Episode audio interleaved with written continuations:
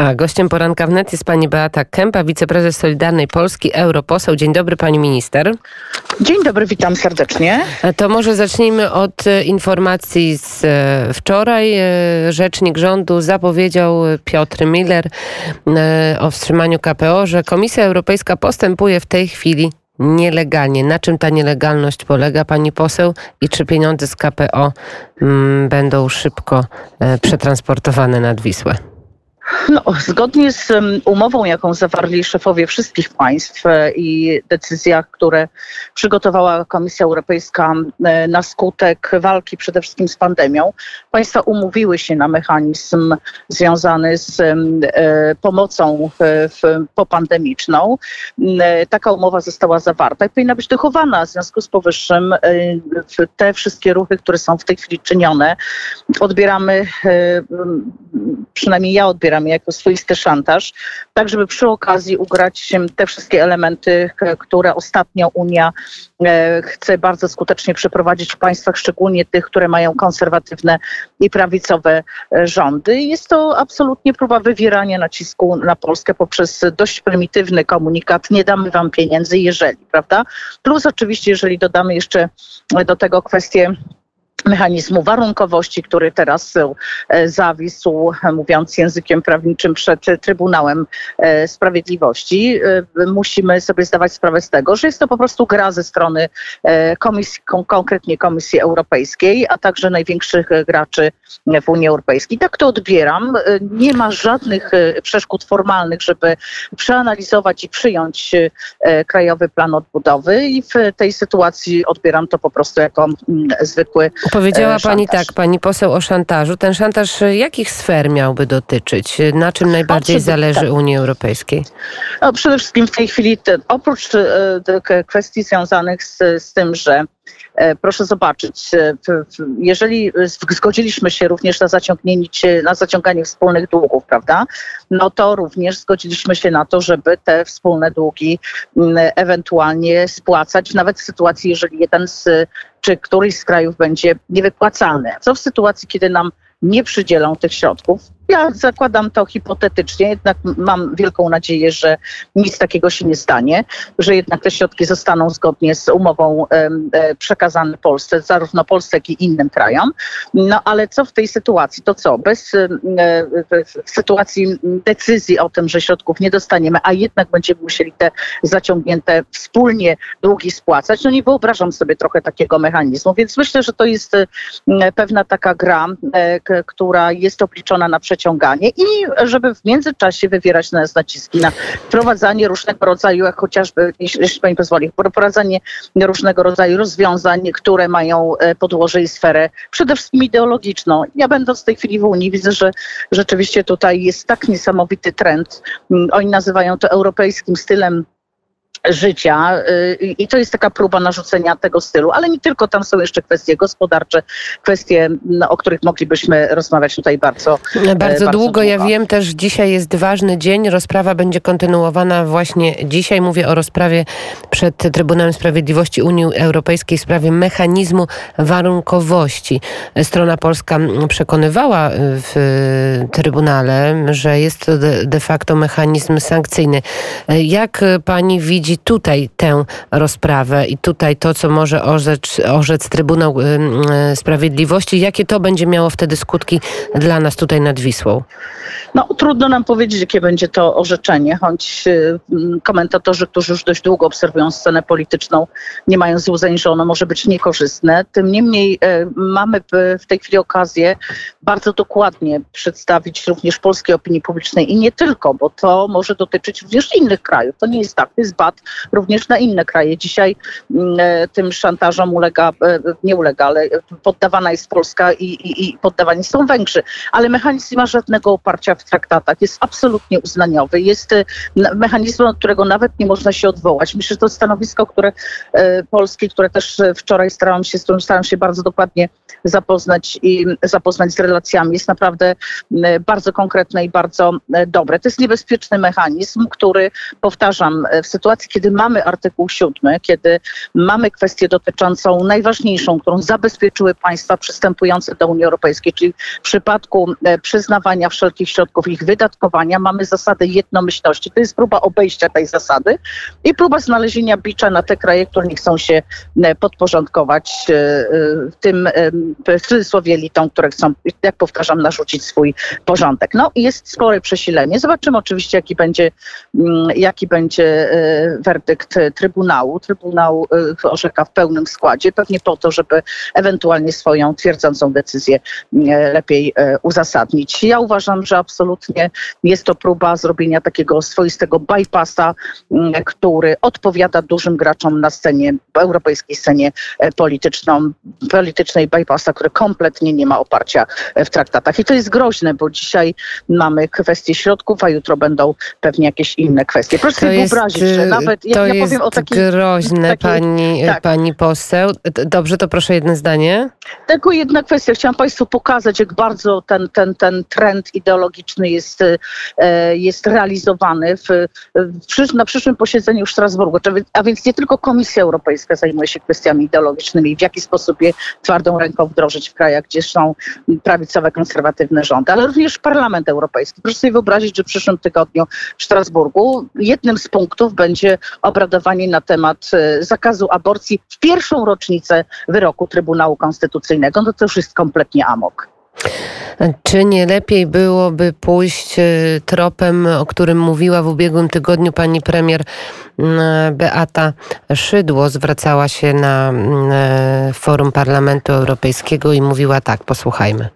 I wreszcie na koniec taką mam refleksję, panie przewodniczący, szanowny panie premierze. Byliśmy oboje premierami, zasiadaliśmy w Radzie Europejskiej. Czy nie lepiej było może, i to jest gorzka refleksja, proszę wybaczyć, ale to powiem, zastosować weto, niż zaufać, że będą czyste reguły gry i wszystkie kraje będą na równi traktowane. Mam nadzieję, że Polska będzie wreszcie traktowana tak samo jak inne kraje i nasz plan odbudowy zgodnie z zasadami zostanie przyjęty. No i właśnie to weto zaczęło coraz bardziej wybrzmiewać. O tym wecie coraz y, częściej mówimy. Jak pani się odnosi? Czy to nie byłoby właśnie lepsze rozwiązanie, o którym mówiła e, pani e, dziś europoseł Beata Szydło? No my mówiliśmy wtedy też jako Solidarna Polska, gdyby w tej całej dyskusji, która się przetaczała, merytorycznej bardzo dyskusji, bo oczywiście wszyscy zastanawiali się, co zrobić, żeby było e, jak najlepiej. Nie mam tutaj e, żadnych złudzeń co do tego, że ktoś chciał, e, ktokolwiek chciał źle życzyć mojemu krajowi, poza oczywiście opozycją, która w ostatnich czasach, w ostatnich dniach faktycznie zachowuje się skrajnie irracjonalnie, mówiąc delikatnie. Kwestia weta była i leżała wtedy na na stole. Była taka, mm, była taka propozycja też z naszej strony, ale no znalazła się ta klauzula wtedy w tych, w tych dokumentach, jak Państwo pamiętacie. Mm, I jak gdyby tutaj no, taki kolejny ukłon i, i, jakaś duża, doza zaufania dla mm, e, organów Unii Europejskiej e, była po stronie polskiej i była bardzo dobra wola mm, i uznaliśmy, że uznał wtedy premier, że ta klauzula zabezpieczy mm, przed ewentualnymi zakusami. Tak się nie dzieje. E, polityka, jeśli idzie o Unię, Unię Europejską, to jest twarda polityka i tutaj no, rzeczywiście w tej sytuacji zobaczymy jeszcze, jak, czy, to jest, czy to jest tylko próba szantażu, wywierania, tak jak powiedziałam, powiedziałam, pozaformalnego nacisku i w suma summarum wszystko skończy się, mam nadzieję, dobrze, czy też rzeczywiście y, y, spore przesilenie, na które będziemy musieli no dalej reagować. Chyba, chyba trzeba będzie reagować, pani, po, pani poseł. Powiem jedno zdanie, bo pani redaktor, przecież Unia Europejska i, e, i mechanizmy w Unii Europejskiej i umowy w Unii Europejskiej i problemy, jakie trzeba załatwić w Unii Europejskiej, one się nie kończą, one się tak naprawdę dopiero zaczynają. Mamy potężny kryzys migracyjny, inne też elementy związane z z, z krajobrazem popandemicznym. I trzeba nam wiedzieć, że takich różnych umów i takich różnych rozwiązań będziemy zawierać bardzo wiele, a po takich doświadczeniach no Polska już nie będzie, e, e, krótko mówiąc, e, stosowała pewnie takiego wersalu, jaki zastosowała do tej pory, całkiem uczciwie i w dobrej wierze. Weta niestety nie było, weta nie będzie, ale są z kolei zapowiedzi. Między innymi Ursula von der Leyen zapowiada, że jest głęboko zaniepokojona wyrokiem Trybunału Konstytucyjnego. Poleciła służbom e, Komisji Europejskiej, aby zanalizowały ten werdykt dogłębnie i szybko. Z drugiej strony mamy rozprawę, jeżeli chodzi o e, zasadę praworządności przed Trybunałem Sprawiedliwości Unii Europejskiej. Dwa dni temu wielka manifestacja tutaj nieopodal nas na Placu Zamkowym i okolicach w obronie e, przynależności do Unii Europejskiej. Jak pani widzi ten scenariusz? Bo te wszystkie kroki, o których teraz powiedziałam, wskazują raczej na to, że e, albo te pieniądze będą zawieszone, albo mm, będziemy musieli, tak jak pani powiedziała, ulegać naciskom. Jak polski rząd powinien teraz reagować? Jaka powinna być reakcja teraz e, polskich władz?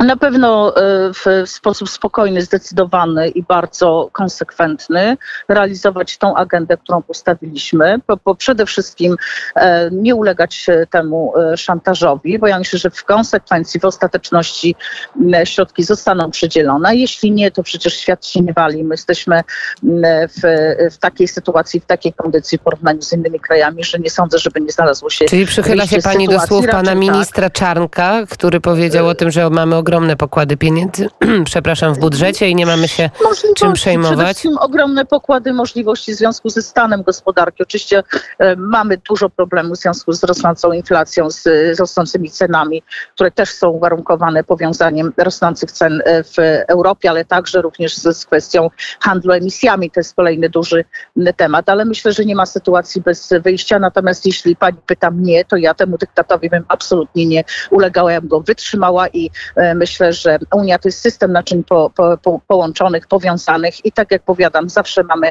e, jeszcze takie instrumenty w sytuacji, kiedy mm, e, będzie trzeba rozwiązywać kolejne problemy. Myślę, że trzeba tutaj bardzo spokojnie obserwować, co się będzie działo, reagować na różnego rodzaju zjawiska, łącznie z jakimiś wyrokami e, trybunałów, które są zadziwiające. Mówię o Trybunale Sprawiedliwości Unii Europejskiej, jak chociażby kwestia Turowa, to zarządzenie tymczasowe kompletnie irracjonalne no właśnie, wywołała Pani ten temat do tablicy. Wiem, że ostatnio spotkała się Pani ze związkowcami. Wiem, że Pani się zaangażowała także w tę sprawę Turowa. Tym bardziej, jeżeli patrzymy na ceny gazu, które po prostu rosną lawinowo i kilkuset procentowe wzrosty cen y, są gazu. Jak będzie wyglądała w takiej sytuacji sprawa Turowa? Czy my mamy płacić te 500 tysięcy euro dziennie, czy uważa Pani, że nie będziemy musieli tego zapłacić, będziemy mogli spokojnie o tym zapomnieć.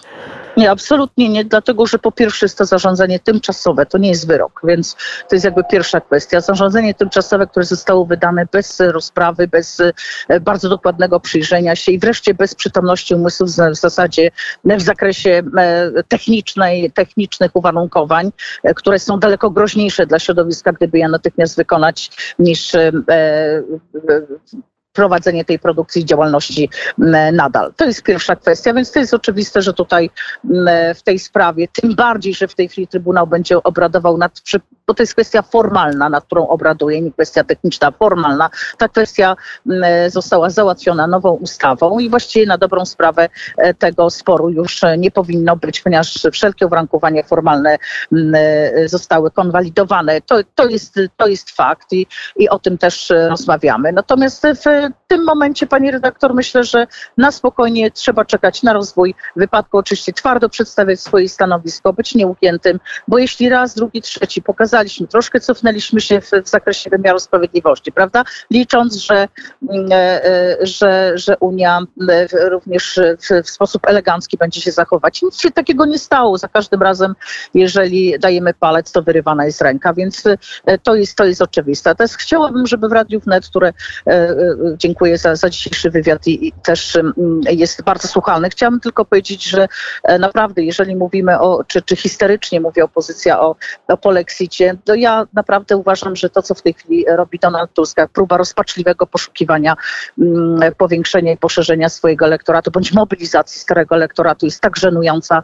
Poziom nienawiści, który nie wiem, czy się da leczyć, może tak, jest tak wysoki, że naprawdę buduje już tylko w nas wszystkich um, takie polityczne zirytowanie i trochę przerażenie. Nie tak się uprawia politykę, nie tak się komunikuje, dlatego że poziom wulgaryzmów i tego, co oglądaliśmy i obserwowaliśmy w niedzielę jest po ale prostu pani, Ale pani poseł, to jest oczywiście pani zdanie, opozycja tak, a nie inaczej to interpretuje, ale także sędziowie za, zabrali głos w tej sprawie. Mówię o y, sędziach, 26 sędziach Trybunału Konstytucyjnego w stanie spoczynku. Ich zdaniem ten wyrok Trybunału Konstytucyjnego, który w zeszłym tygodniu był opublikowany, ich zdaniem ten wyrok nie mieści się w kompetencjach Trybunału, jest niezgodny z konstytucją, y, nijak y, ma się do, do norm prawa i w zdecydowany sposób wyrazi, wyrazili oni swoją dezaprobatę dla takiej, a nie innej wykładni tych przepisów.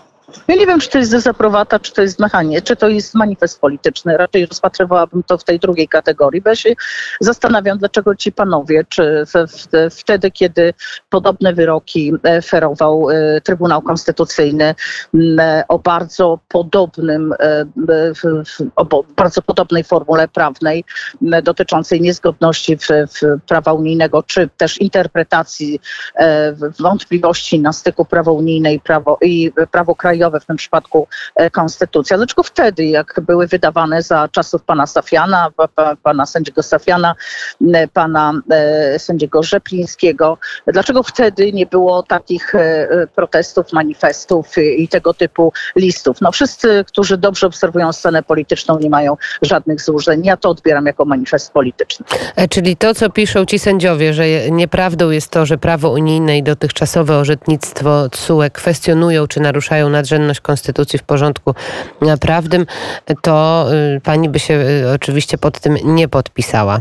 Nie, absolutnie nie. Uważam, że są przede wszystkim w tych domenach, które nie oddaliśmy e, w, pod władanie traktatu, e, czyli jeszcze raz powtórzę, tyle Unii, na ile zgodziliśmy się. I to jest oczywiste. Natomiast dzisiaj e, ingerencja w sfery, których, które są tylko i wyłącznie domeną naszego państwa pod rządami Konstytucji Rzeczypospolitej Polskiej, w tym przypadku nie rozumiem, dlaczego na przykład niewybieralni urzędnicy, mm, e, nieweryfikowalni demokratycznie urzędnicy Komisji Europejskiej nadzorują, oceniają, opiniują, a potem na końcu wnioskują o to, żeby e, na przykład odebrać środki. No to jest po prostu, to stoi na głowie i nie, nie ma to się nijak, to jest właśnie festiwal braku praworządności i łamania Ale to chyba najbardziej, y, najbardziej istotną sprawą w tym wszystkim jest ta obrona niezawisłości sędziowskiej, prawda? I tutaj ten ustrój sądownictwa, bo to jest y, chyba ten element, który wzbudza tak wiele kontrowersji, jest y, y, osią y, niezgody, bo mm, tych sędziów 26, bo wyraźnie oni to podkreślili, że obrona niezawisłości sędziowskiej nie należy do ustroju sądownictwa, więc prawo Unii Europejskiej może w tej, w tej kwestii być w Polsce używane i może także tutaj obowiązywać. Nie, ja czytam ten list zupełnie inaczej. Organizacja wymiaru sprawiedliwości, wymiar sprawiedliwości, no tak, jeżeli jeszcze tutaj będzie, będą nam dyktować mm, e, warunki, e, w, szczególnie te duże kraje Unii Europejskiej, które wiemy, że one tak naprawdę de facto przewodniczą te, tej Unii, no to jest już w zasadzie można powiedzieć, że e, nie mamy e, Polski suwerennej. To jest oczywiste. Natomiast ja odczytuję ten list zupełnie inaczej. Panowie by chcieli, ta, żeby było tak, jak było. No niestety, to, to, to jest pobożne życzenie i każdy, kto będzie próbował ten system mm, reformować, e, e, będzie poddany tak, sam, tak samo, takiej samej mm, procedurze, w cudzysłowie oczywiście politycznej, jaki jest poddawany w tej chwili. Oni chcą po prostu, żeby był status quo zachowane to, co było. Jaki jest stan, dobrze widzimy.